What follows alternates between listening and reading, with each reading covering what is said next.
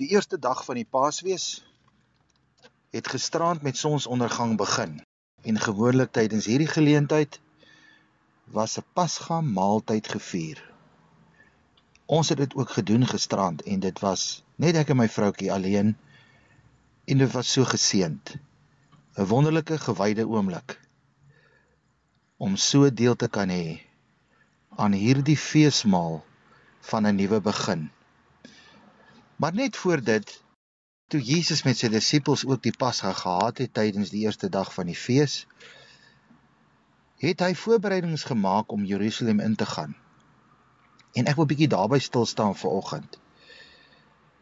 Hy het vir hulle 'n opdrag gegee vir van sy disippels, twee van hulle sê die skrif en gesê dat hulle moet vinnig gaan na die dorpie voor hulle en hulle sal daar waar hulle ingaan sal hulle 'n eseltjie vind wat vasgemaak is. As iemand vir hulle sou vra, "Waarom maak julle hom los?" moet hulle sê, "Die Here het hom nodig." Nou baie interessant. As ek kyk na die ou King James vertaling in Markus 11 vers 4, sê die vertaling die volgende: They found the colt tied by the door without in a place where two ways met and they lose him there. Met ander woorde toe die disippels voor hulle uitgegaan het soos Jesus verduidelik het en in die spesifieke dorpie moes ingaan en Jesus vir hulle gesê het hulle sal die eseltjie voor hulle sien. Het hulle 'n ander probleem gehad. Volgens die ou King James vertaling they found him where two ways met. Met ander woorde, dit was 'n vurk. Daar was 'n vurk in die pad. En die donkietjie, die eseltjie was in die middel van die vurk vasgemaak. Nou dink net toe hulle daar kom, onmiddellik is die aandag afgetrek. Gaan ons nou op die linkerkantste pad van hierdie vurk gaan ons op die regterkant. Jy weet, dis hoe ons mense maar is.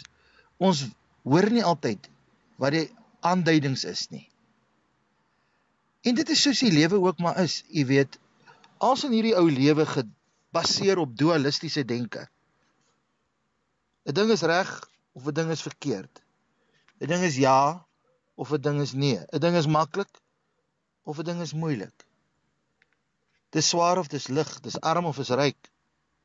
En soos ons hele lewe word ons oortuigings gebou op slegs twee opsies. Ja of nee. Goed of sleg. Maar ek dink wat Christus ook hier baie dieper in hierdie les vir ons wou sê is, daar is 'n dieper opsie waarin jy net jou wil vat. Daar is 'n derde opsie wat jy in jou lewe kan kies. Dis 'n geestelike opsie. Dis 'n opsie wat jou kan losmaak. Dis 'n opsie wat jou in 'n nuwe dimensie kan inbring en jou met God laat beweeg. Dis 'n opsie van die Gees. Dis 'n opsie wat op 'n ander vlak werk. Moenie links of regs kyk nie, maar kyk net voor jou. En wat nogal vir my baie laat dink het is wat moes die reaksie van die eienaar van die donkie gewees het? Want jy weet in vandag se tyd 'n donkie was 'n was 'n voertuig, dit was 'n was 'n was 'n ryding. Om vandag nou na 'n tweedehandse motor motorgarage te gaan en sommer 'n kar te gaan vat daarin te ry en vir jou groot probleme gee. En as uh, jy wel gevra word hoekom en jy sê die Here het hom nodig, gaan die mense jou maar baie snaaks aankyk.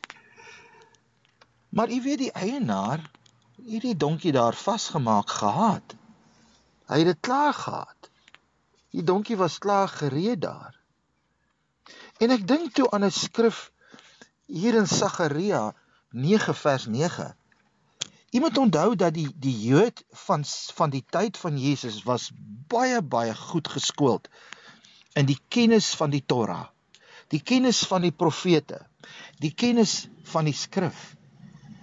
En in Sagaria 9 vers 9 is dit alreeds so duidelik geprofeteer deur die profeet Sagaria dat jou koning sal kom en regverdig sal hy wees. En hy sal na jou toe kom op die rug van die vulletjie van 'n esel. So eers moes die eienaar van hierdie esel tog daai skrif raak gelees het en 'n derde opsie in sy lewe gekies het, 'n geestelike opsie en sê kan daar nie ook eers in my lewe 'n vervulling kom van 'n dieper geestelike saak nie? Kan ek nie eers ook in my lewe 'n skrif kan vervul nie? Dalk moes daar meer as een persoon gewees het wat daai skrif gelees het en 'n donkie eers vasgemaak het. Met die hoop dat sou die beloofde Messias kom, hy dalk my donkie gaan gebruik. Kyk baie mooi na die fotootjie wat ons langs hierdie pot gooi het. Dit is so treffend. 'n Donkie. 'n Esel. Die enigste dier wat die merk van 'n kruis het op sy rug.